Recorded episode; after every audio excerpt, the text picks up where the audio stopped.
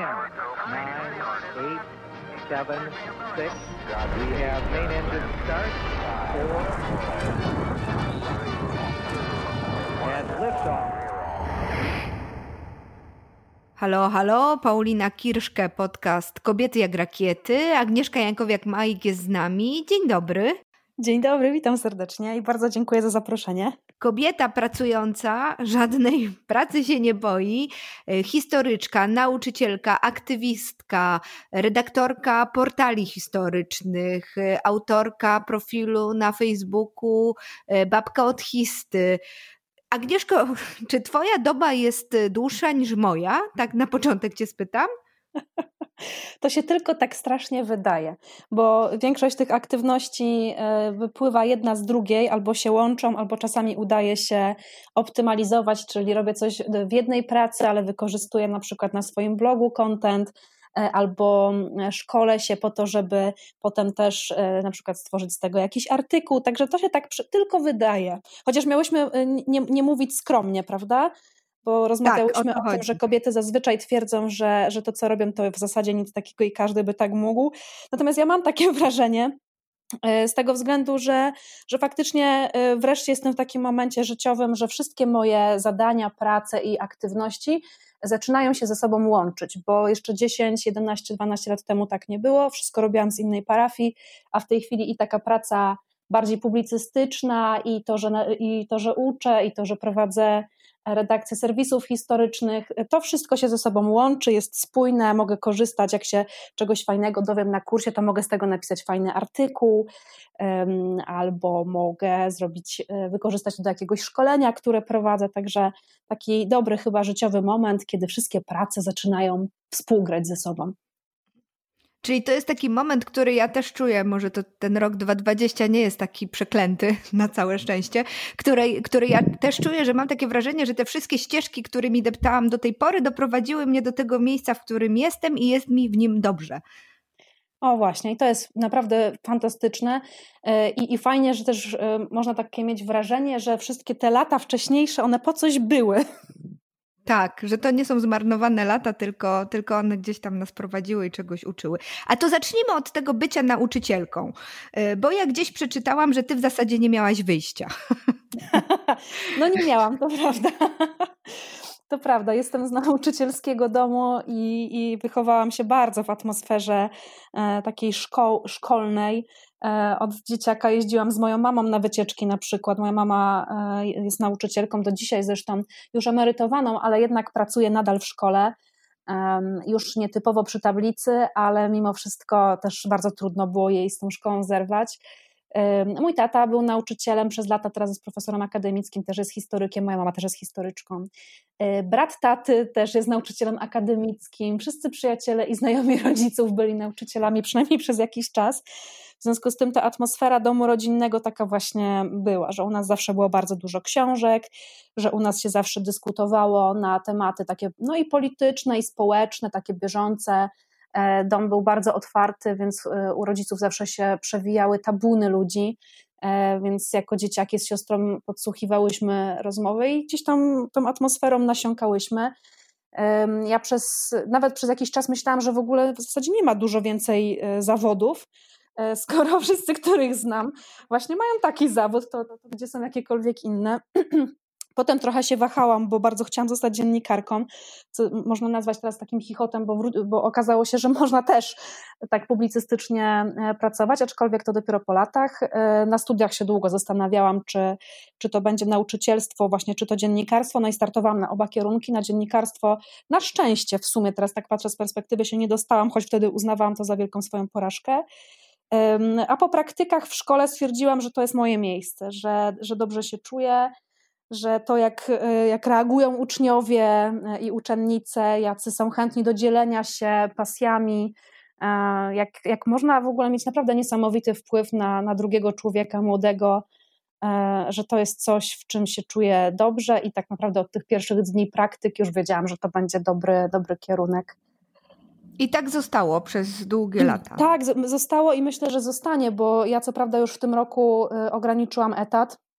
mm, pracy w szkole, trochę ze względu na taką ogólną frustrację, która też wyniknęła po strajku nauczycieli. To jest taki temat, który, którego trudno unikać w kontekście edukacji, myślę, mhm. współcześnie. Jasne. E, więc jak dostałam propozycję od Izy Sadowskiej e, przejęcia czy prowadzenia portali historycznych, czyli ciekawostki historycznej Twoja historia, to szczerze mówiąc podjęłam decyzję bardzo spontanicznie. Zaraz zresztą minie rok od tej decyzji, bo Iza zaprosiła mnie na rozmowę pod koniec lipca i dwa dni później podpisywałyśmy umowę, ale zastrzegłam sobie to, że, że nie chcę rezygnować ze szkoły, nie jestem w stanie rezygnować ze szkoły, bo nic tak nie nakręca jak praca w szkole, e, nic tak nie motywuje, nic tak nie odmładza, mam wrażenie. Nie wpływa na kreatywność. Od młodych ludzi się można strasznie dużo nauczyć też, czy to, to, to działa w obie strony. Ja bardzo lubię młodzież, w związku z tym na pewno nie, jestem, nie, nie byłabym w stanie nie mam takiej gotowości w sobie, żeby zrezygnować z uczenia. E, więc faktycznie etat e, trochę ograniczony, ale nawet mam wrażenie, że jeszcze to mi wyszło na, na dobre, ponieważ e, pierwszy raz nie pracowałam, bo ja zazwyczaj pracowałam no, albo w szkole, albo łączyłam szkołę z uczelnią, bo też przez jakiś czas byłam na studiach doktoranckich, potem przez rok pracowałam na taki śmieszny, śmieszny moment, kiedy pracowałam przez rok na Uniwersytecie Medycznym ale to zawsze były takie dydaktyczne rzeczy. Ja zawsze byłam strasznie, strasznie, strasznie zmęczona. Mm, I ograniczenie tego etatu sprawiło, że mam wrażenie, że lepiej zaczęłam uczyć spokojniej. Wiedziałam, że, że, że mogę troszkę zwolnić, że te moje metody troszeczkę też się pozmieniały, że zupełnie inne jeszcze priorytety, znaczy jakby cały czas w tym samym duchu, bo dla mnie było zawsze oczywiste, co jest priorytetem w edukacji nie mhm. podstawa programowa, nie faktografia i nie oceny na pewno, a relacje, kreatywność, e, współpraca, rozwój, tego typu rzeczy uważam, że w edukacji są najcenniejsze i w tym roku mogłam się na tym jeszcze bardziej sfokusować, co było e, świetne.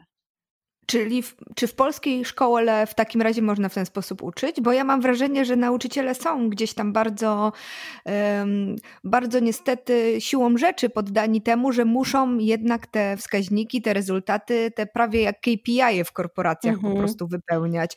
A te lepsze szkoły z kolei y, mają nad sobą to widmo, że będą musiały startować w rankingach, no i teraz im będziemy wyżej, tym więcej uczniów będzie chciało do nas przyjść i to koło tak się kręci. Mhm i zamyka i, i wypluwa w zasadzie tych, te, te, te dzieciaki, które, e, no, które mają poukładane w głowie tylko jakby taką wiedzę książkowo-podręcznikową, a nie to, o czym ty przed chwilą powiedziałaś, że mhm. kreatywność, że myślenie, że, że praca w grupie, wspólna, ale też samodzielne myślenie. Mhm. Jak to zrobić, będąc historyczką? Bo ja jeszcze tylko dodam, że mam taki przykład te, te, tej całej pandemicznej historii, którą e, mamy za, za sobą, a odpukać nie wiadomo czy nie przed sobą, że, że nauczyciele historii na przykład w niektórych szkołach mówili proszę przeczytać od 115 do 130 i zrobić notatkę. Mhm. E, no i ci, ci, ci uczniowie, którzy niekoniecznie byli licealistami, ale na przykład podstawówkowymi, no to jedenastolatek robiący notatkę kiepsko. To są takie... Jak mhm takim razie opowiedz mi o tym.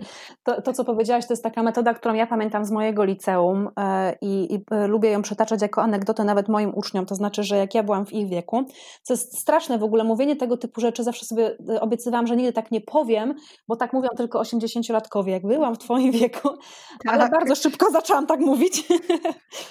E, po to, żeby zrozumieli, że jednak coś się zmienia, e, ale faktycznie jak ja byłam w liceum, to zadanie typu otwórzcie podręcznik na stronie 127 i zróbcie z tego notatkę, po czym nauczycielka wychodząca z klasy, e, to była norma. I moim uczniom mówię, słuchajcie, i my robiliśmy tą notatkę, bo dzisiaj to nie przejdzie, moim zdaniem, a na pewno nie w klasach, w których ja uczę, bo ja taka trochę jestem, że rozpuszczam, więc, więc nie wyobrażam sobie takiej, takiej sytuacji, ale kiedy ja byłam w liceum, to to było na porządku dziennym. W ogóle jakby tym pytaniem poruszyłaś bardzo dużo e, tematów. Zacznę od końca, póki naj, najlepiej pamiętam, czyli ta sytuacja na pewno pandemii no, była bardzo trudna dla wszystkich ale nie, nie, miałaby, nie byłabym bardzo wściekła na nauczycieli i nauczycielki, ponieważ e, no, nas nikt nie przygotowuje do pracy zdalnej. I teraz, żeby dobrze pracować zdalnie, czyli uprawiać tak zwany e-learning, to trzeba by skończyć prawdopodobnie studia podyplomowe. I studia podyplomowe trwają dwa lata z e-learningu. Tam jest inna metodyka pracy, inne narzędzia. Przecież ogromny problem z, tym, jak oceniać w ogóle w sposób mhm. zdalny, to, to, to są takie wyzwania. A nagle się okazało, że my to musimy ogarnąć w weekend i się przygotować do, do takich działań. I to, że tak wiele e, osób podjęło to wyzwanie, to bym dała na plus, ale radziliśmy sobie z tym różnie, to na pewno. E, no nie każdy ma umiejętności, nie każdy miał sobie tą gotowość, nie każdy miał odwagę, żeby spróbować w ten sposób pracować. Więc zdaję sobie sprawę z tego, że wysyłanie tylko zadań e, no nie było, no to, to, nie jest, to nie jest edukacja marzeń, tak? Nie powinno to tak wyglądać, ale z drugiej strony jakby systemowo też takiego wsparcia nie dostaliśmy każdy eksperymentował, jak ktoś no, bardziej ambitnie chciał podejść, tak jak na przykład ja, e, no to ja cały ten weekend, kiedyś dowiedziałam, że w zasadzie od poniedziałku lecimy e, zdalnie, no to ja cały weekend siedziałam w internecie na jakichś webinarach, które były organizowane, też, też znów nie, nie jakoś odgórnie i systemowo, tylko to były webinary prowadzone przez albo jakichś nauczycieli, którzy mają duże doświadczenie, tak zwane TIK-owe, czyli właśnie z tą technologią mhm. informacyjno-komunikacyjną, albo organizacje czy instytucje typu Centrum Edukacji Obywatelskiej. E, no i można było sobie wyszukać też w grupach nauczycielskich takie szkolenia, e, po to, żeby być w miarę przygotowanym. Jakieś książki od razu tam, e, które leżały na półce, a ich wcześniej nie miałam czasu poczytać. No i mnóstwo notatek i jakiś plan, jak to, jak to robić. E, natomiast też trudno wymagać od każdego, żeby nagle tak się zerwał i całą sobotę i niedzielę zarwał po to, żeby się przygotować od poniedziałku do te, tego typu pracy. Zwłaszcza jak to są też starsi nauczyciele, nauczycielki, Jasne. a tacy dominują w polskiej szkole z oczywistych względów, to znaczy ze względu na e, naprawdę uważam skandaliczne zarobki. Bardzo trudno jest przyciągnąć mm, młodych ludzi, którzy na pewno swobodniej się w takich narzędziach czują. I każdy po swojemu leciał. Wielki problem w mojej szkole był taki, że każda, każda nauczycielka, nauczyciel e, najpierw zaczęła, zaczęliśmy prowadzić zajęcia na różnych platformach i uczniowie dostawali po prostu co chwilę jakieś powiadomienia z różnych platform, z różnych stron, e, trzeba to było usystematyzować. Tak, to, to był taki kociokwik na początku. No właśnie, mhm. ale nam się udało, bo była dobra współpraca z rodzicami, rodzice są w miarę zadowoleni, wiadomo, że zawsze może być lepiej, ale wydaje mi się, że akurat u mnie to poszło dobrze. Teraz ja w czasie tej edukacji zdalnej w ogóle nie wystawiłam ani jednej oceny na bieżąco, e, bo uznałam, że nie umiem, nie, nie czuję się, jak to powiedzieć, no kompetentna, nie czuję się z tym dobrze, nie wiem jak mam to zrobić. E, na szczęście miałam trochę ocen wcześniej e, powystawianych, więc mi to w zupełności wystarczyło, plus zrobiłam takie, mm, takie działania projektowe, jakie robię w szkole, bo można dużo pracy projektowej przenieść do, do internetu i z moimi uczniami się po prostu uczyliśmy też razem aplikacji. E, czyli ja na przykład poznawałam jakieś narzędzie i mówiłam, dobra, to teraz zrobimy sobie na padlecie taką, taką fajną mapę myśli, słuchajcie, tam z kultury lat 60. na przykład. No i oni mhm. poszukiwali, zrobili świetne zresztą rzeczy. Albo projekty z WOS-u, e, które miały inaczej wyglądać, bo też miały być organizowane w, w normalnych warunkach, też przenieśliśmy do internetu i pracowaliśmy na narzędziach googlowskich, na dysku googlowskim. To przyniosło fajne rezultaty, bo oni się bardzo dużo nauczyli, mało szkolnych rzeczy. Ja zawsze po każdym działaniu staram się robić taką ewaluację, podsumowanie i duży nacisk też kładę na taką autoewaluację, czyli bardzo chcę, żeby e, każdy z moich podopiecznych był w stanie usiąść, zastanowić się 15 minut nad sobą, nad, nad tym, jak działa, jak pracuje. No i taką ankietkę sobie wypełniali też, też w Google, e, gdzie musieli się zastanowić, czego się nauczyli na przykład. Ja potem z tego zrobiłam taką chmurę e, haseł i im też pokazałam, żeby zobaczyli, mhm. E, jak takim prostym w sumie działaniem, to, to był projekt, gdzie planowali kampanię społeczną, na dowolny temat, taki ustalony ze mną, ale wokół praw człowieka, edukacji, e, tematu wykluczeń. Taki wydaje mi się też bardzo istotny, bo i na empatię wpływający i, wiedzowy. E, no musieli podsumować, czego się nauczyli i z tej chmury wynikało, że nauczyli się montować filmiki, że e, mądrzej podeszli do social mediów, że nauczyli się pracować na, na dysku googlowskim, że lepiej się podzielili pracą, że nagle się okazuje, że można planować pewne działania, że, że lepiej się nauczyli organizacji i tak dalej. Bardzo dużo dużo, tam chyba było, no każdy, kto wpisywał to minimum jedno, jedno hasło jakieś oryginalne e, tam się pojawiało, więc ta chmura była bardzo bogata. No i też im pokazałam, zobaczcie, e, niby proste działanie, e, niby teoretycznie nie związane tak typowo ze szkołą, a jednak ile się tak. nauczyliście takich życiowych rzeczy. Także można. To, to, to, to, jest, że ci wejdę w słowo, to jest coś, co, co mam wrażenie jest jednak największą bolączką y, szkoły polskiej, że nauczyciele z uczniami nie rozmawiają, że oni ich kompletnie nie znają.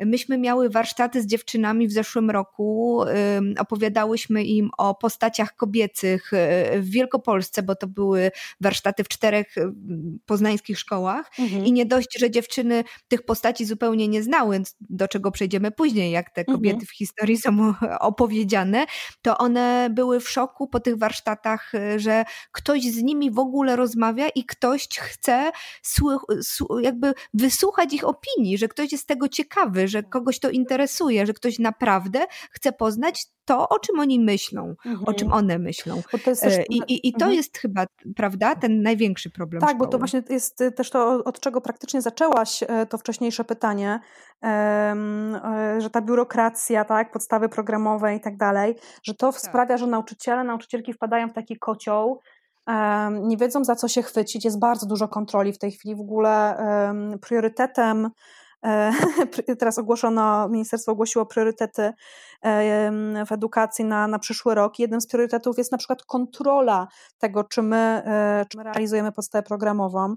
E, nie jest priorytetem na przykład badanie edukacji obywatelskiej, tak? Albo, no dobra, w ogóle nawet trudno mi jest to komentować, bo ja jak, jak Może widzę nie zaczynajmy, tak?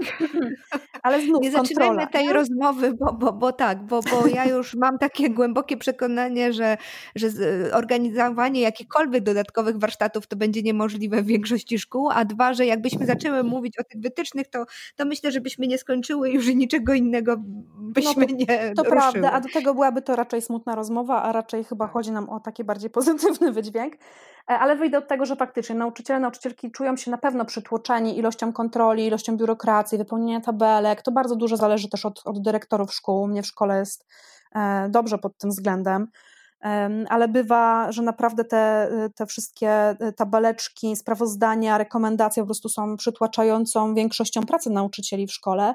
I też ten nacisk, że, że trzeba tak dużo zrealizować materiału sprawia, że ludzie się boją troszkę od tego odejść. Ja jak na przykład robiłam takie szkolenie mm, jeszcze w tym roku, na którym opowiadałam o tym, jak, e, jak realizuję z moimi uczniami, uczennicami mhm. projekt na tworzenie gier planszowych na historii, to pierwsze pytania zawsze brzmią, e, nie szkoda Pani czasu w znaczeniu, no przecież mniej wiedzy wbije Pani do głowy, kiedy, kiedy kilka lekcji poświęcamy na to, żeby najpierw zrobić, a potem pograć w te planszówki, jak sobie Pani radzi z podstawą programową? E, czy, czy jest Pani w związku z tym w stanie się wyrobić? I ja zawsze mówię, że oczywiście podstawa programowa to nie jest podręcznik, też wielu nauczycieli nie ma tej refleksji, że nie musi zrealizować każdej treści, która jest w podręczniku. Podręczniki są o wiele bardziej szerokie niż podstawa programowa, która też by mogła być węższa, to już jakby na marginesie, tak? ale nadal, nadal robimy więcej niż, niż, niż musimy. E, I ja zawsze mówię, że teraz się zastanówmy, mm, co tu jest prawdziwą, pra, pra, prawdziwie przydatnym skutkiem takiego działania, bo jak moi uczniowie sobie zrobią planszówkę, to się okaże, że oni po pierwsze rozwijają kreatywność, po drugie pracują w grupie, po trzecie muszą planować, organizować. Po czwarte, muszą mieć wiedzę, żeby zrobić grę planszową z historii. Nie da się bez wiedzy zrobić takiej gry.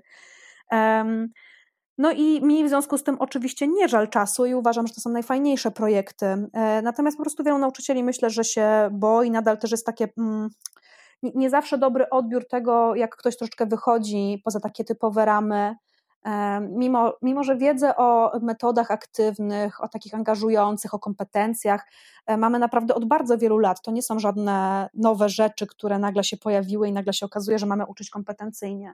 Jak się człowiek Ale dobrze... tego nikt nie wymaga, prawda? To jest ten problem, też mi się na wydaje. Na pewno o wiele że, bardziej się zwraca mhm. uwagę na faktografię, tak, tak, tak. Że jakby był, jakby, jakby nauczyciele byli rozliczani z tego, jak bardzo kreatywnie uczysz, to wtedy trzeba by było trochę inaczej podejść do całej tej mhm. sprawy. No być może. Nam się wydaje, że po prostu, mm, że, że edukacja ma przynieść taki konkretny jakąś konkretną właśnie wiedzę. Czyli jeżeli on pozna tych 18 dat, to znaczy, że ma wiedzę. Dla mnie oczywiście nie ma żadnej wiedzy, bo za miesiąc tych dat nie będzie pamiętał, co jest absolutnie normalne. Ja nie pamiętam naprawdę tak wielu rzeczy z liceum, ty pewnie też, które by się wydawać mogły podstawowe. E, z takich przedmiotów typu biologia, matematyka czy fizyka. Jasne. Się łapię za głowę oglądając podręczniki moich dzieci. Aha, o co tam chodzi, nie? O matko, to ja się tego uczyłam? Serio? No właśnie, a jednocześnie te kompetencje zostają, także ja jestem bardzo w tym nurcie uczenia e, kompetencji albo takich kluczowych, albo przyszłości, myślenie, tak, uczenie się, w ogóle taka wizja uczenia się przez całe życie, uczenia się e, tego, jak się uczyć, jak organizować sobie pracę, to zostaje, tego nikt młodym ludziom już nigdy nie zabierze, bo jak wyrobią sobie nawyki e, pewnej pracy, czy na przykład tego, że nie boją się nie boją się nauczyć nowych rzeczy. To zresztą epidemia też świetnie pokazała, bo mówiliśmy o kompetencjach przyszłości, a tak naprawdę to jest kompetencja teraźniejszości, tak. E, że trzeba się uczyć nowych rzeczy. I dziś naprawdę wielu ludzi e, musiało się z dnia na dzień przebranżowić i nauczyć nowych rzeczy. Ja mam w domu taki przykład, mój mąż pracuje w rozrywce, czyli pracuje przy organizacji koncertów, no i z dnia na dzień się okazało, że nie ma pracy i nie będzie jej miał, tak? No i musiał po prostu usiąść i wymyślić sobie nowe tak, zajęcie, tak, przynajmniej na, nowo, na tak. jakiś tak. czas, tak. Więc to wcale nie takie kompetencje przyszłości, raczej już w tej chwili teraźniejszości, przy tak niepewnych czasach. Także da się... A powiedz, a powiedz mi, ja, ja, jaka szkoła ci się marzy? O jaka by była ta szkoła twoich marzeń? E, dobrze, a e. masz dobę? Ci opowiem. No tak jakbyśmy skróciły to do jakichś trzech minut. Okay. Myślę o tym bardzo dużo, bo od pewnego czasu mam też takie marzenie, pewnie jak wielu nauczycieli i nauczycielek, którzy, którzy się troszkę buntują wobec tego skostniałego systemu edukacyjnego. Chciałabym na pewno takiej szkoły, która jest bardzo przyjazna uczniowi, która realizuje tą ideę korczakowską, najprostszą i najbardziej podstawową, czyli po prostu najważniejsze jest dobro ucznia, ucznia jako człowieka, ucznia jako podmiotu edukacji czyli myślenie jakby na pierwszym miejscu o uczniach e, i uczennicach. Chciałabym szkoły, która e, dobrze współpracuje e, w takiej triadzie, o której dużo się mówi, a mało tego mamy w praktyce, czyli nauczyciele, uczniowie, rodzice bo my w tej chwili funkcjonujemy jak osobne wyspy, czyli mamy radę pedagogiczną, mamy radę rodziców, mamy samorząd uczniowski i bardzo rzadko się spotykamy. E, rzadziej tych uczniów faktycznie słuchamy. Mm, to nawet widać na przykładzie takich banalnych e, działań typu studniówka. Były, był taki fajny artykuł, e, ojejku, chyba w Wyborczej jakiś czas temu, mm, że uczniowie nawet nie są dopuszczani do tego, żeby wybierać kurczę kolor, kolor dekoracji na studniówce, a my potem chcemy, żeby oni podejmowali samodzielne decyzje. Mają 18 lat i nie mogą wybrać dekoracji tak, na własnym balu maturalnym bo te decyzje są podejmowane za nich. Także żebyśmy wsłuchiwali się w ten głos, żebyśmy współpracowali. E, świetnie to do tego się sprawdzają rady szkół, których nie ma prawie w żadnej szkole. Jest, jest prawna możliwość organizowania rad szkół, gdzie się właśnie spotykają raz na jakiś czas e, przedstawiciele wszystkich tych trzech e, podmiotów. Natomiast w ogóle chyba tam z 2% szkół kiedy ostatnio sobie sprawdzałam, to chyba 2% szkół w ogóle w Polsce realizuje takie rozwiązanie. Chciałabym szkoły, która jakby nie tresuje nas na takiej zasadzie troszkę reakcji jak pies Pawłowa, to znaczy jest dzwonek i dosłownie wszyscy wyskakują z sali, bo nie zawsze lekcja powinna trwać 45 minut.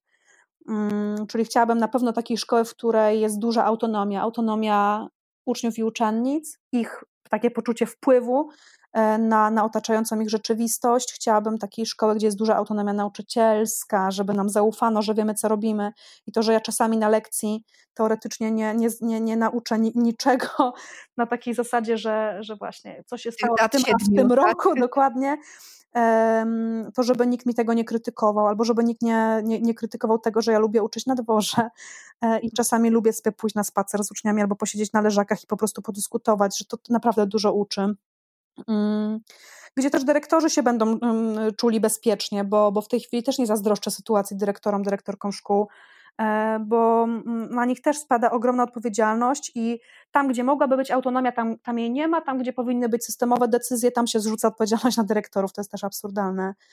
Szkoły, która jest bardzo kolorowa, która jest tworzona przez uczniów, w której oni wybierają, jak ta przestrzeń wygląda. Przestrzeń w ogóle jest szalenie ważna. Ta, ta, ta polska szkoła nadal, nadal jest szara, no nadal ma stare, tak. śmierdzące linoleum.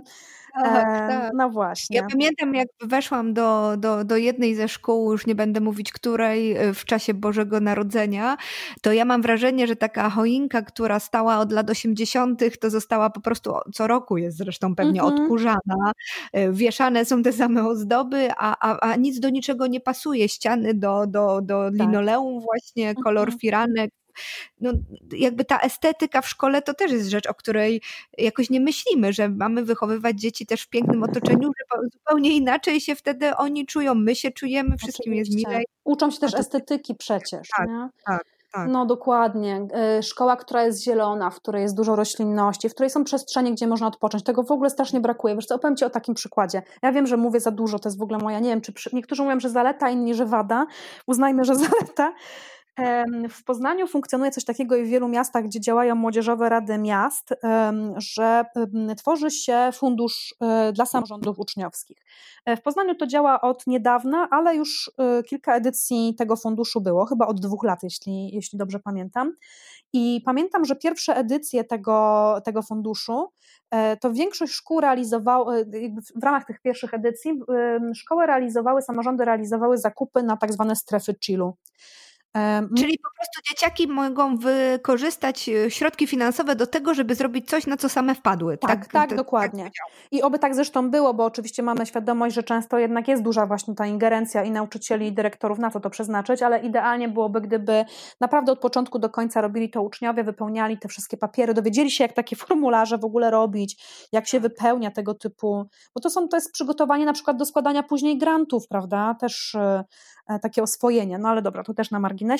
No i mhm. strefy chillu były hitem. Większość szkół tworzyła strefy chillu, kupowali takie pufy do siedzenia, jakieś stoliki, właśnie e, jakieś, jakieś rośliny, e, i próbowali zaaranżować w różnych miejscach w szkole przestrzeń, gdzie mogą spokojnie, tak swobodnie odpocząć, poczytać, posiedzieć, poleżeć, wiadomo, niby się mówi, że uczniowie siedzą 8 godzin w szkole, ale te ławki to też jakby woła o pomstę do nieba, więc a propos szkoły moich marzeń chciałabym taką szkołę, gdzie można sobie usiąść czasami na kanapie, a czasami można się położyć na podłodze, bo jak się mądrze prowadzi taką lekcję, to naprawdę wcale nie musi to być e, chaos nie do opanowania, jak się większości ludziom e, wydaje. Mm, I te strefy chillu e, były im bardzo potrzebne, ale tego brakuje też dla nauczycieli. Pokoje nauczycielskie też wołają o pomstę do nieba. E, jakieś przedpotopowe materiały typu, typu e, no, zakamienione czajniki, jakaś lodówka z tak. PRL-u i tak dalej. To jest kwestia oczywiście finansowania szkół, też te choinki, o których wspomniałaś. E, po prostu szkoła polska jest tak paskudnie niedofinansowana, że na takie rzeczy brakuje pieniędzy. Nie? Teraz też to epidemia bardzo dobrze ujawniła, jeżeli szko szkół nie stać na to, żeby kupić środki czystości typu te żele antybakteryjne i muszą składać wnioski do ministerstwa o dofinansowanie tego typu rzeczy, no to tu się nie ma czym chwalić, nie? To znaczy, że, tak, jest, tak. że to jest po prostu tragedia.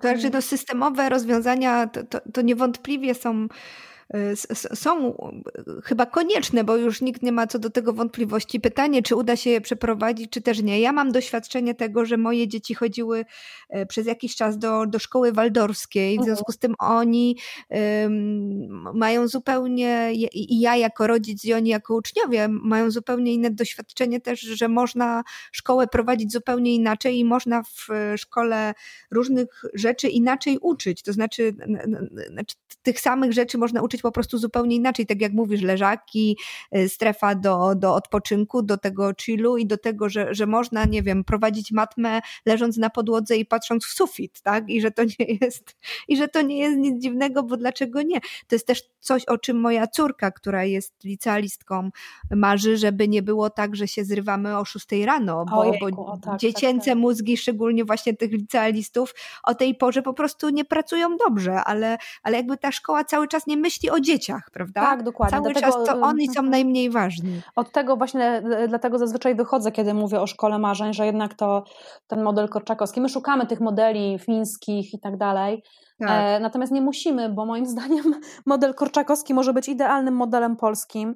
E, świetna książka w ogóle a propos tego, tego mózgu nastolatka i, i w ogóle prace i, i, i badania doktora Kaczmarzyka, który napisał taką książkę Szkoła Neuronów, w ogóle pisze o mózgu nastolatków, no i tam ewidentnie wychodzi, że um, układ godzinowy szkoły jest dla dorosłych, choć też nie dla wszystkich, bo na przykład ja na ósmą nienawidzę chodzić do pracy, e, też jeszcze nie. jestem w środku nocy wówczas, e, natomiast e, tym bardziej, tym bardziej młodzi ludzie, którzy chodzą spać jednak kilka godzin później niż dorośli, bo tak działa ich mózg. I to oczywiście też nie dotyczy to każdej jednostki, nie? no ale, ale, ale generalnie faktycznie się bardzo różnimy i bardziej myślimy o potrzebach dorosłych niż o potrzebach e, dzieci i młodzieży, a naprawdę szkoda, bo e, przecież to też młodzież teraz wymusiła to, że w debacie publicznej tak poważnie e, pojawiły się kwestie zmian klimatycznych. Przecież to są tak. strajki klimatyczne młodych ludzi, 15, 16, 18-letnich, którzy po prostu mieli dosyć, którzy zrozumieli głęboko ten problem i tak byli zdeterminowani, że politycy musieli zacząć o tym rozmawiać. To jest w ogóle wielki fenomen. Jak ktoś mówi, że młodzieży na niczym nie zależy, tylko by siedzieli w internecie i grali w gry, to nie ma racji. Im po prostu nie zależy na tym samym, co nam. E, nie zawsze, tak? Nie zawsze nam się te priorytety pokrywają, co nie znaczy, że nie zależy. Czasami mają więcej mądrości niż dorośli. Ja pamiętam a propos tego właśnie, co mówisz, taką historię z Wielkiej Brytanii, jak, jak na lekcji czegoś, co pewnie by można było nazwać trochę WOS-em, a, a trochę jakimś przygotowaniem obywatelskim. Dzieciaki miały za zadanie sprawdzenie, jak wypełnia się w internecie e, takie zgłoszenia jakby swoich pomysłów do parlamentu. Mhm. I jedna z dziewczyn e, e, zrobiła takie zgłoszenie właśnie przechodząc tę całą ścieżkę, że ona właśnie uznała, że mózgi dzieci są nieprzygotowane do tego, aby wstawać tak wcześnie rano i ona napisała taką petycję, aby parlament się zaczął zastanawiać nad tym, czy szkoły nie mogłyby się zaczynać o godzinie 10. E, I tam okazywa, okazało się, że jakby była taka sonda, na którą internauci i ci wszyscy, którzy wchodzili na te zgłoszenia, musieli głosować, no coś jak projekt ustawy, tak, mhm. że musi być ileś tam zebranych głosów, żeby parlament zaczął się tym zajmować i się okazało, że ta jej petycja zdobyła pierwsze miejsce w ogóle, najwięcej osób na to głosowało i parlament chcąc, nie chcąc, musiał się tym tematem zająć, więc to też pokazuje, jaka siła jest w nas, chociaż czasami kompletnie nie zdajemy sobie z tego sprawy, no, prawda? I w prawda. młodych ludziach również. Ale to, co powiedziałaś, to jest taki świetny przykład w ogóle edukacji obywatelskiej, której też w polskiej szkole nie ma i to mnie strasznie frustruje, e, bo ja bardzo wierzę w edukację obywatelską i bardzo bym chciała, żeby ona systemowo działała. I e, na przykład e, ja z moimi uczniami bardzo przez kilka, przez kilka lat braliśmy udział w takim projekcie, że składaliśmy na przykład wnioski do Funduszu e, Obywatelskiego w Poznaniu. I oni nie mieli świadomości, że naprawdę nawet oni mogą coś takiego zgłosić i stworzyć, że to nie jest takie trudne. A to są takie umiejętności, które się przydadzą. Takie poczucie, że, tak. że mój głos jest ważny, że, że dobra, no sama um, od razu nie zmienię świata. Choć ja zawsze lubię mówić moim uczniom, że zmienię jedną osobę wokół w swoim towarzystwie i zmieniasz świat serio ale wiadomo, że raczej jesteśmy przyzwyczajeni do jakichś tam spektakularnych działań. Ale jak jest już, jest już nas więcej, mamy coś ważnego dla siebie, to naprawdę możemy to, to zmieniać. I bardzo bym chciała, żeby w szkole to funkcjonowało. I jeszcze tylko e, dopowiem Ci jedną ciekawą rzecz a propos właśnie tych przedmiotów, bo um, też w mojej wymarzonej szkole niekoniecznie chyba chciałabym mieć bardzo sztywny podział na te przedmioty. Um, mhm. W czasie edukacji zdalnej zaprosiłam na lekcję do mojej klasy wychowawczej Martę Florkiewicz-Borkowską, czyli nauczycielkę roku 2017. Mhm. I zrobiliśmy taką lekcję o aktywności społecznej. Ona opowiadała o tym, co robi ze swoimi uczniami, uczennicami, od czego się zaczęło. To było świetne, bo ona zaczynała aktywizować swoi, swoją klasę od jasełek w szkole. To nie, są, to nie jest wielkie przedsięwzięcie, a kończą na międzynarodowych konferencjach. E, albo kończy ich projekt w książce Justyny Sucheckiej Young Power, tak? A zaczęło się od jasełek. No i na tą lekcję zaprosiłam moją panią dyrektor, która potem y, okazało się, że to była jakby taka lekcja hospitowana. Nie lubię tego, zawsze mnie to stresuje, ale e, musiałam wpisać w tabelce, co to była za lekcja i e, ja mówię, no to była taka lekcja trochę WOS-u, a trochę wychowawcza, co nie? Pani doktor mówi, no ale to która? No właśnie, nie? A czy, czy naprawdę musimy podzielić? Czyli zero jedynkowo? Ja to rozumiem, bo ona ma taki formularz, tak? I jakby to nie jest żaden zarzut wobec dyrekcji, tylko wobec całego spojrzenia na edukację. Dlaczego musimy powiedzieć, że to był tylko WOS? No nie był.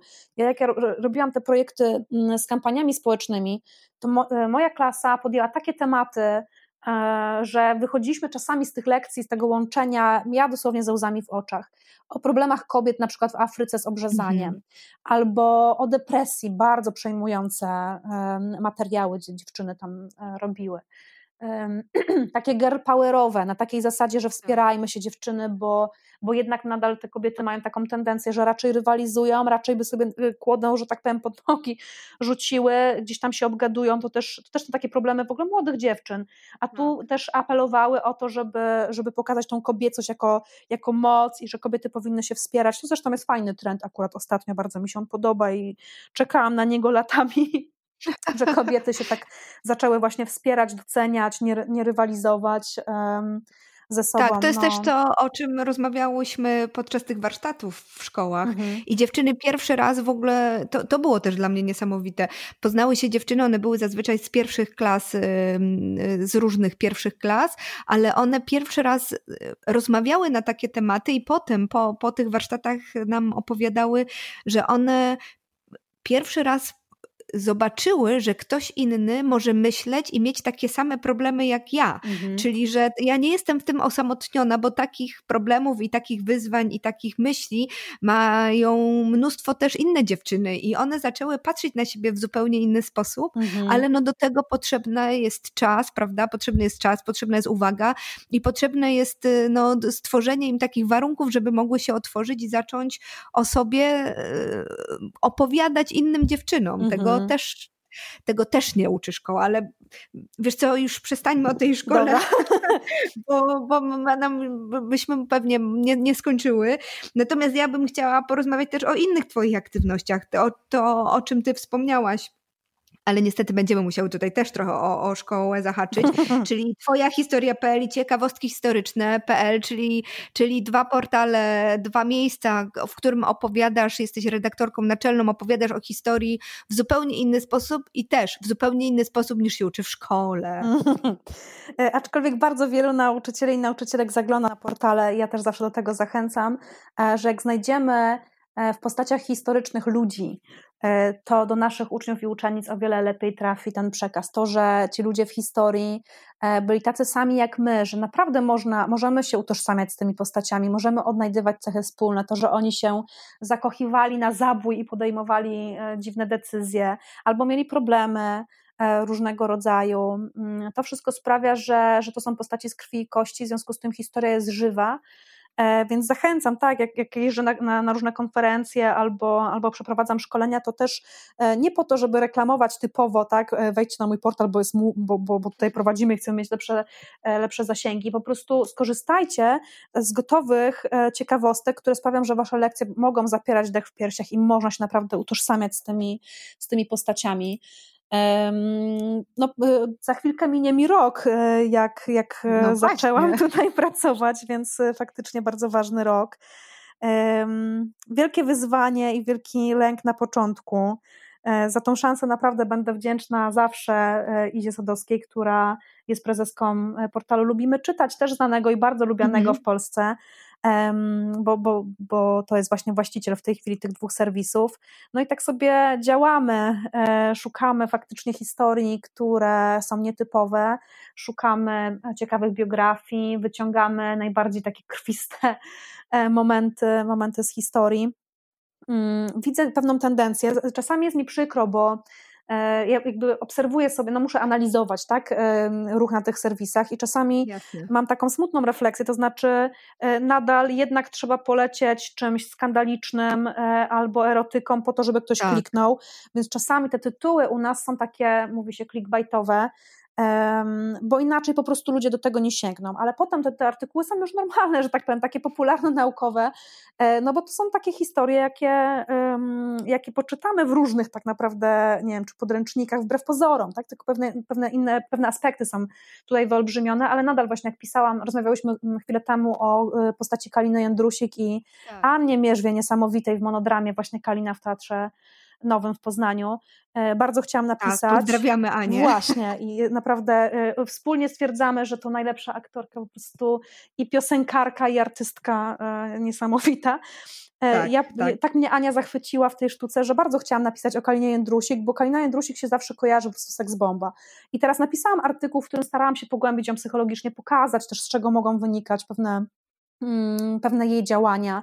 Również to, że prawdopodobnie nie była kobietą wcale mm, szczęśliwą, że spotkały ją różne traumy, różne tak, trudne tak, przeżycia. Tak. Ten smutek ona w oczach ma mm. mimo wszystko. No właśnie, być może to zresztą jest tajemnicą y, tego, dlaczego ona aż tak y, oddziaływała na wyobraźnię, bo z jednej strony faktycznie mhm. ciało, kurcze, no, bogini, tak, a, a z drugiej strony jest, jest w tych oczach dużo smutku i cierpienia. E, ale wciąż, żeby ludzie kliknęli w ten artykuł i zechcieli go przeczytać, musiałam go zatytułować, tak, seksbomba PRL-u, bo jakbym napisała pogłębiona biografia Kaliny Jędrusik, to kliknęłoby w to 20 osób, a tak klika w to kilka tysięcy i to jest, to jest dosyć duży problem, że my faktycznie musimy tak teraz działać, jest ogromna konkurencja, ludzie są znudzeni, jest bardzo dużo bodźców w tej chwili, więc szukamy pewnego rodzaju sensacji. Mm. I, I, to jest tak, i dobre która i może być haczykiem, prawda? Tak. Bo potem można już do, to, to, co mówisz, przejść, czy, czy, chwała jakby każdy dziennikarz i wszyscy dziennikarze tak myśleli jak ty, czyli że zahaczam czymś, a potem już opowiadam świetną historię, tak, tak. bo tak niestety w dużej mierze się nie dzieje. Ale Agnieszko, nie boli cię to, że historia jednak nie jest kobietą? dla mnie już bo... jest, dla mnie już jest od pewnego czasu, ale mhm. masz rację. E, gdzieś przeczytałam na którymś z Twoich chyba wpisów facebookowych, że ta, znowu wrócę do szkoły, podstawa programowa to na, na 60 zdaje się obowiązkowych postaci tylko dwie kobiety. E, I co więcej, żadna z nich nie była Marią e, Curie. No to, to jest w ogóle naj, chyba największy absurd, z jakim się spotkałam, bo ja w zeszłym roku miałam taki tour po, po Polsce, gdzie szkoliłam z nowej podstawy programowej, więc do, do szkoły średniej. W związku z tym faktycznie bardzo dobrze ją poznałam i przeanalizowałam i tam jest chyba 58 nazwisk, które e, są obowiązkowe do poznania przez, przez uczniów i uczennice. I zazwyczaj tak zaczynałam te szkolenie. Znaczy, pytałam, ile kobiet, jak Państwo sądzicie, jest w podstawie programowej? No i mówili tam z 10, 8. No nie, dwie, a w zasadzie e, ja lubię mówić, że, że jedna i pół, e, z tego względu, że jest to Irena Sendlerowa, co, co do tego zresztą nie, nie, nie, nie, ma, nie mamy wątpliwości, że powinna tam się pojawić. No ale drugą kobietą jest Antonina Żabińska, która występuje w duecie z mężem. I faktycznie nie ma, e, nie ma Marii Skłodowskiej-Curie, e, której biografia jest lekturą obowiązkową w Japonii, a w Polsce nie jest. To są, to są takie absurdy. To jest pytanie podobne, jakie ja zadawałam, ile jest pomników tak, kobiet tak. w Poznaniu. I, I stąd e, ruszyła w ogóle cała nasza akcja Kobiety na pomniki 8 e, marca, gdzie zachęcałyśmy kobiety, żeby się przyszły, poprzebierały e, i, i faktycznie stanęło mnóstwo fantastycznych kobiet, bo i Izabela Działyńska, i Kazimiera Iłakowiczówna, Wanda Modlibowska, Wanda Błońska, ale wiesz co, ja pisząc takie krótkie notatki, bo, bo ja też miałam przyjemność studiować historię, więc tym bardziej mm mnie to mm. wszystko. Siostra w zawodzie. Ale, tak, ale, ale, ale problemem było problemem. Moją niesamowitą taką refleksją, która mi dała bardzo do myślenia, było to, jak przygotowywałam notatki tych poznanianek, no bo to była poznańska akcja, mhm. E, żeby trochę podpowiedzieć tym osobom, które przyjdą, e, za kogo mogą stanąć na tym pomniku, to e, wszystkie te kobiety, oprócz Konstancji Raczyńskiej, to były kobiety bezdzietne, i mhm. bardzo często niezamężne. Mhm.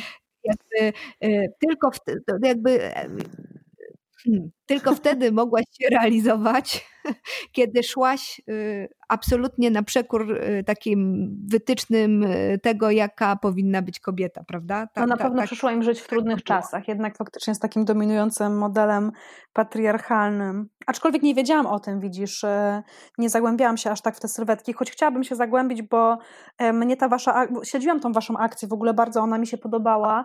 E, wspominałyśmy też o tym, bo my z kolei na 8 marca e, z wydawnictwem poznańskim nagrywałyśmy taki feministyczny book, taki rozmawiałyśmy o książkach właśnie historycznych, o, znaczy nie tylko historycznych, o książkach o kobietach generalnie i na koniec tak to, tak to wyszło, że że miałyśmy nagrywać pod jakimś pomnikiem e, w Poznaniu kobiecym i okazało się, że no nie jest to takie łatwe, żeby znaleźć miejsce, w tak. którym mogłybyśmy takie nagranie zrobić, więc nagrywałyśmy w studio.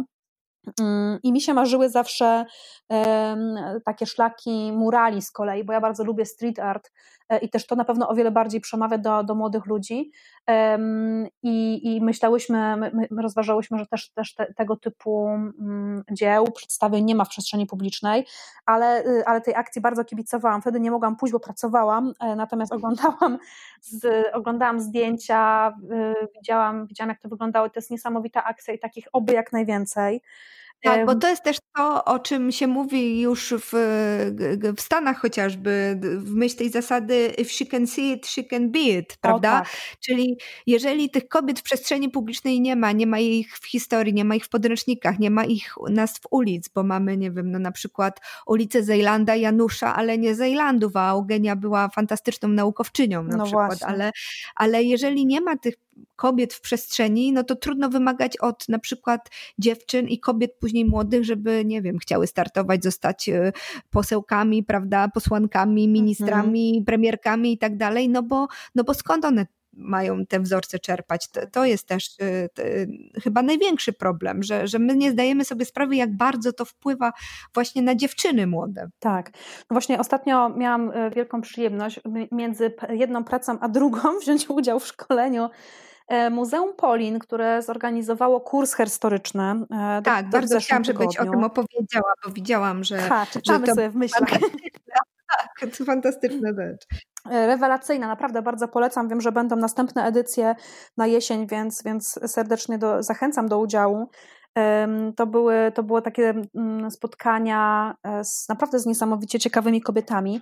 Natomiast to, o czym ty mówisz, e, o tym świetnie mówiła doktor już habilitowana Iwona Chmura, Rutkowska, kiedy analizowały razem e, z panią profesor Edytą Głowacką e, sobie, jeśli dobrze pamiętam, też z Wydziału Studiów Edukacyjnych w Poznaniu, ponieważ w zeszłym roku powstał taki projekt badawczy Niegodne Historii, jeszcze tam profesor Izabela Skurzyńska z Wydziału Historycznego ode mnie, bo lubię tak mówić, e, analizowały obecność kobiet w podręcznikach, ale zanim przeszły do wyników tych badań, to bardzo dużo mówiły o tym, jak potrzebne są silne kobiece wzorce, jak bardzo dziewczynki już dziesięcioletnie tracą na pewności siebie, jak bardzo się wycofują e, z takich aktywności, które wymagają większej ekspozycji i że to mm, nie zawsze musi być silna, fajna taka postać kobieca z krwi i kości obok, w tej chwili obok, tak, że masz, nie wiem, fajną ciotkę, matkę e, i tak dalej, tylko właśnie to mogą być postacie historyczne, które, które jakoś cię inspirują albo albo bohaterki fikcyjne i też tych kobiet przecież teraz znów ten trend troszeczkę się odwraca na szczęście, ale nadal brakuje. Ale to, to, to ale już mamy, prawda, Kapitan Ameryka czy, czy, czy Wonder Woman się pojawia coraz bardziej, tak. tak. Tego kapitana, kapitanka, mm -hmm. czyli coś tam zaczyna, zaczyna już dziać i te postaci kobiece w głowach dziewczynek zaczynają funkcjonować. Też tam chociażby Barbie nie wygląda nadal jak szczupła po ja prostu Ja tego laska. nie wiedziałam, słuchaj, dowiedziałam się w zeszłym tygodniu, jak byłam u moich siostrzenic z odwiedzinami i przyniosły mi swoje lalki Barbie, ja patrzę, a tam normalnie lalka Barbie, która ma normalny tyłek, za przeproszeniem. Tak, tak. Szok to też się zmienia, więc to jest super. Natomiast ja bym chciała wrócić do tych kobiet w historii, bo mnie mm, y, no, no też właśnie y, jako, jako zanurzoną w tę historię mhm. i wyszukującą różnych postaci kobiecych, boli bardzo to, że, że tak naprawdę my chyba y, o tych kobietach zapominamy. Już nie mówię o władczyniach, prawda? Bo, mhm. bo bo, bo one zawsze były trochę na cenzurowanym u nas i, i, i zresztą każda, jak sobie przeanalizowałam chociażby polskie królowe, no to każda była przedstawiana w bardzo nieciekawym świetle, chociażby moja ulubiona Bona, która przecież zrobiła mnóstwo dobrej roboty dla Polski, która chciała nawet y, odzyskać Śląsk, dodając swoje włoskie włoście i, mm -hmm. i, i która była niezwykle gospodarna, no to ona przez y, magnaterię i szlachtę była uznawana za tą, która, y, która chce im odebrać władzę, w związku z tym ten jej PR był bardzo mocno y, jakby zczerniany. To prawda, prawda, ale robimy to do dzisiaj, bo to też tak. E, właśnie Iwona mówiła na tym szkoleniu, też na to nie zwróciłam uwagi zupełnie, bo to były podręczniki do gimnazjum, ja nie pracuję w gimnazjum, że w którymś z podręczników wizerunek królowej Bony e, miała aż dwa portrety w podręczniku. To jest bardzo dużo jak na kobiecą postać w podręczniku. Jeden, y, który przedstawiał ją jako młodą, y, młodą dziewczynę, gdzie była piękna, oczywiście szczupła i w ogóle, i potem drugi, ten taki klasyczny, gdzie ona tak no, nie wygląda zbyt atrakcyjnie, podpisany Bona po porodach. I, I, zobacz, ile to w mózgu, że tak powiem, różnych e, rzeczy uruchamia w tej chwili, nie? Także no, tragedia. Ale to samo jest przecież z Katarzyną II. E, która mm, w tej chwili no, głównie jest postrzegana przez pryzmat jakiś, e, no wiadomo, że w historii polskiej no, nie jest to najbardziej ulubiona bohaterka, jasne, ale e, no, nie, nie, nie możemy jej nie oddać um, wielkości, a, a patrzymy na nią przez pryzmat właśnie tu nimfomanka, tak, tu jakieś skandale erotyczne, kochankowe, wszystko to samo robili carowie rosyjscy zawsze i nikt nigdy o historii carów rosyjskich przez ten pryzmat nie pisze dziwnym trafem, tak. nie? To tak jak z Boną, że dokładnie to samo. Ona musiała y, knuć pewnie jakieś intrygi, podejrzewam, no bo tak cały dwór się wtedy zachowywał, dokładnie. prawda? Tak, tak funkcjonowała szlachta, tak to wszystko wyglądało. Natomiast mężczyźnie to, to, to wybaczano, bo to było normalne, mhm. a kobiecie nie, prawda? No, Kobieta była od czegoś zupełnie e, innego. I ja wynalazłam też w takiej recenzji książki e, Elżbiety Heresińskiej, mhm. Napisałaś, że kobieta po władzę musi sięgać niewidzialnie, jakby z cebra czerpała maleńką srebrną łyżką. Kobiecie prędzej wybaczą bezpłodność niż otwarte chwytanie rządów. No i to, to napisała pro... Herezińska, bo to cytat z niej tak. oczywiście, tak, ale po władzę srebrną łyżeczką, dokładnie. Zresztą... Tak, tak, to żona, żona zdaje się yy, Łokietka, prawda, Jadwiga, tak, tak, tak, tak. mówi do swojej córki, że, że prędzej ci yy, wybaczą to, że będziesz bezpłodna, niż to, że będziesz chciała jednak tą władzę dzierżyć. Tak, aczkolwiek to też oczywiście wielka tragedia, jak kobieta e, w historii była bezpłodna, to była nieprzydatna, tak? ponieważ nie mogła pełnić swojej podstawowej funkcji.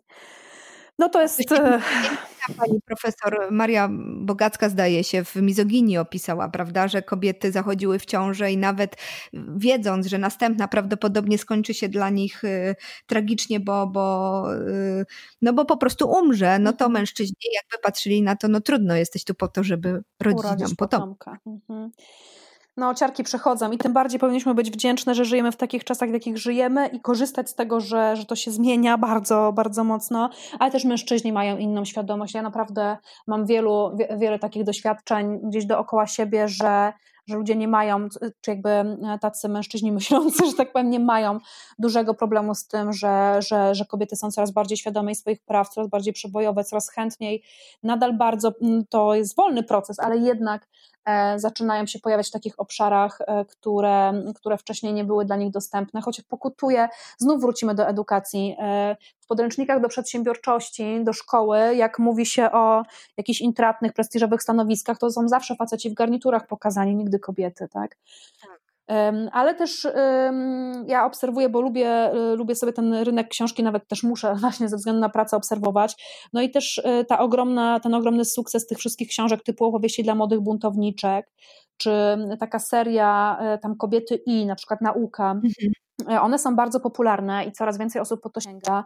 To nie są tylko książki dla małych dzieci, bo ja sobie te książki kupiłam do szkoły mam, miałam taką zasadę, że jak ktoś dużo wcześniej skończył sprawdzian, i się nudził, albo na przykład nic nie umiał, ale z godnością na ten sprawdzian przyszedł, to mógł sobie wybrać książkę do przeglądania e, z mojej słynnej szafy i bardzo często i bardzo chętnie po, te, po, po tego typu książki teoretycznie dla młodszych odbiorców, odbiorczeń e, sięgali moi i uczniowie i uczennice i one im się bardzo podobały, także mm, fajnie.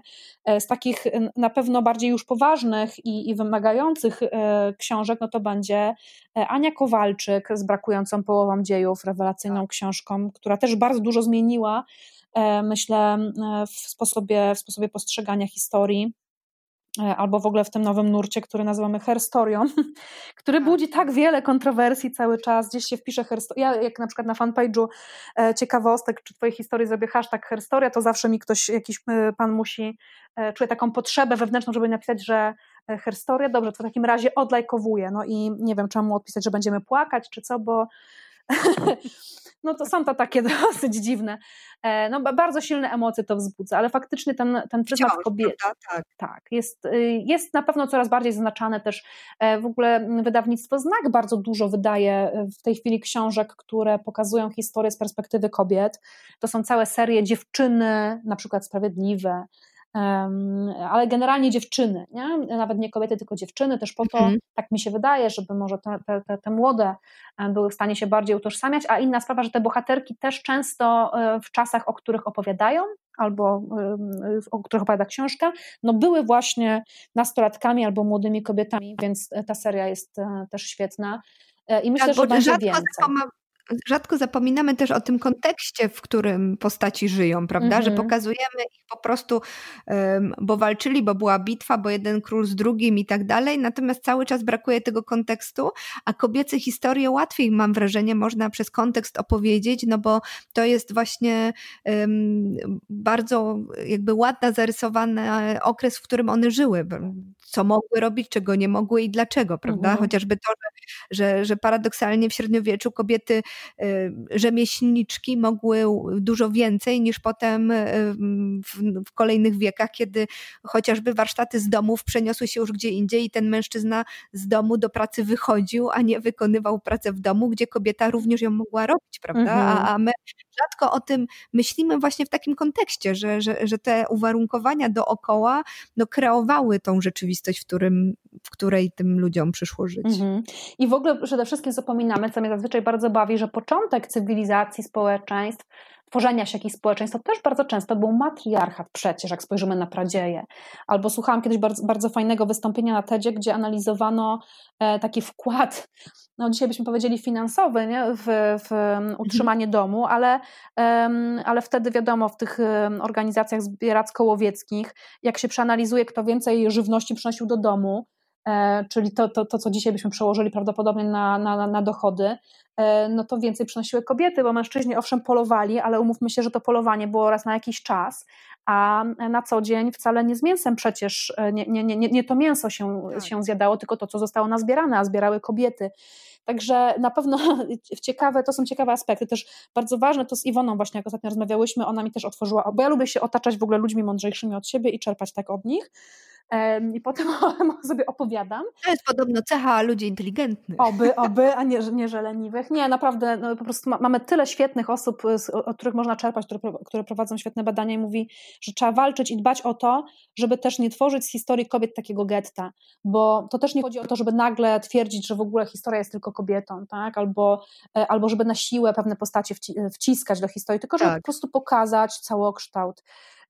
A inna sprawa jest jeszcze taka, że jeśli chodzi o czasy e, dawniejsze, czyli dawniejsze niż, nie wiem, 150 lat, wstecz, e, to bardzo trudno o źródła jednak.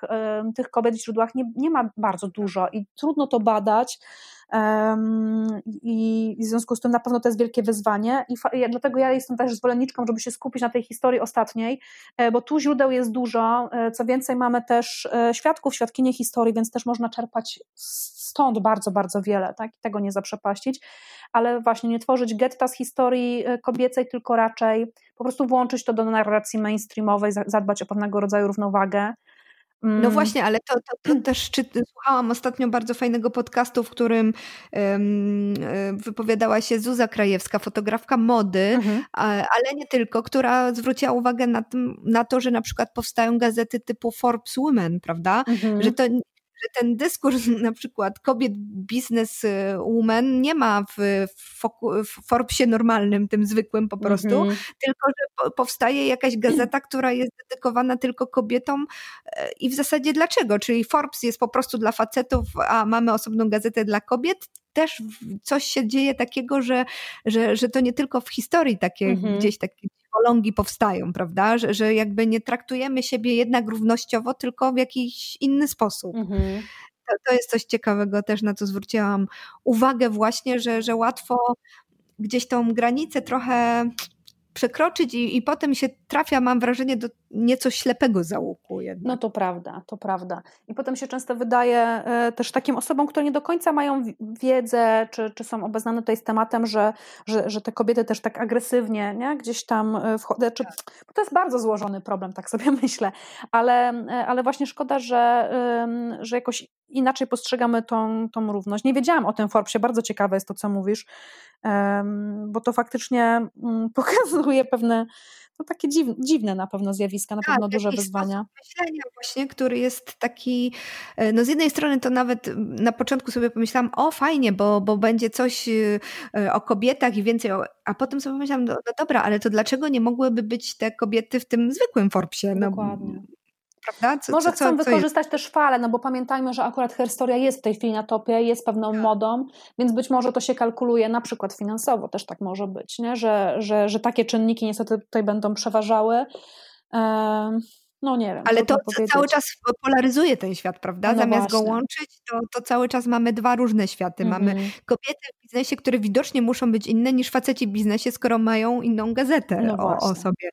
A to jest jeszcze coś ciekawego, o czym ty powiedziałaś i o, o czym myśmy też rozmawiały, wyszukując y, już w dzisiejszych gazetach, tygodnikach opinii, podczas tych warsztatów poprosiłyśmy uczennice, żeby poszukały we Wproście, Newsweeku, w Tygodniku Powszechnym y, i w Wiedzy i Życie y, kobiet, sylwetek kobiet, wypowiedzi kobiet, zdjęć kobiet, no i, i, i oczywiście było ich o połowę najczęściej mniej niż mężczyzn, a jeżeli już się wypowiadały, no to o ogródku, o dzieciach, występowały w roli ofiary, która, e, nie wiem, właśnie była powódź, więc pani się wypowiada, że cały jej dom i tak dalej został zalany.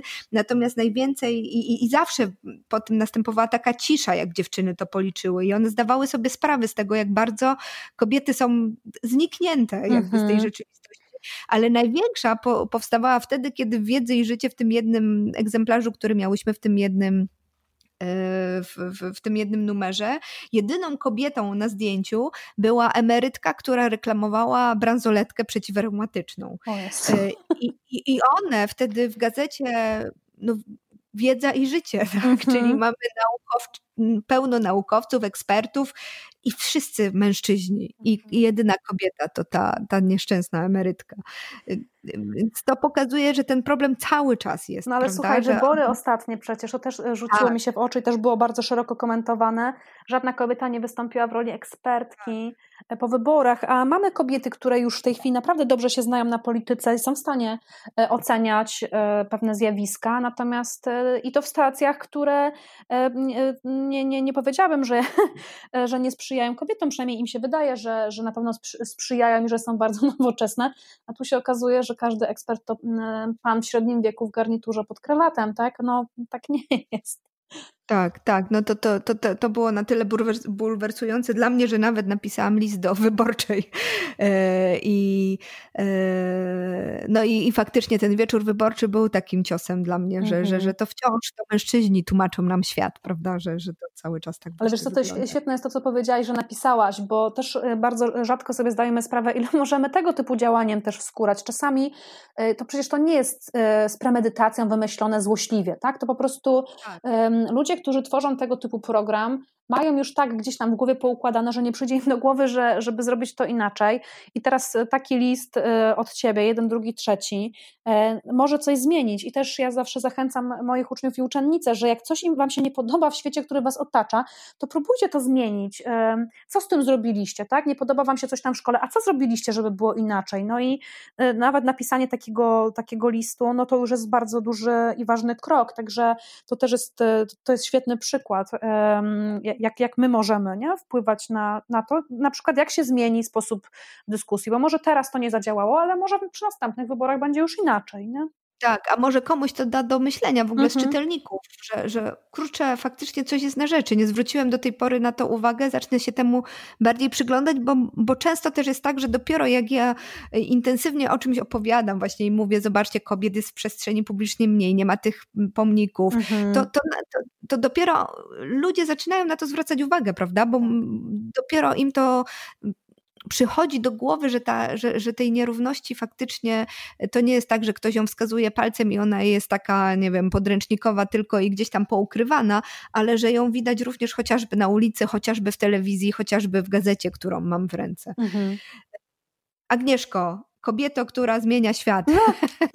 w którym e, żyje i która robi to intensywnie i nieustannie. Bardzo Ci dziękuję za rozmowę. Myślę, że mogłybyśmy kolejną godzinę również przedyskutować oraz e, mnóstwo kolejnych. To prawda. Bardzo Ci dziękuję za, za to, że z nami e, byłaś. Agnieszka Jankowiak-Maj, kobieta wielu talentów e, i wielu działalności, była moim gościem. Bardzo serdecznie dziękuję za zaproszenie. To była super miła rozmowa i też zostaję z, z wieloma refleksjami e, po tym, co Ty powiedziałaś. Także za to serdecznie dziękuję. Seria podcastów Kobiety jak rakiety realizowana jest przez Fundację imienia Julii Wojkowskiej.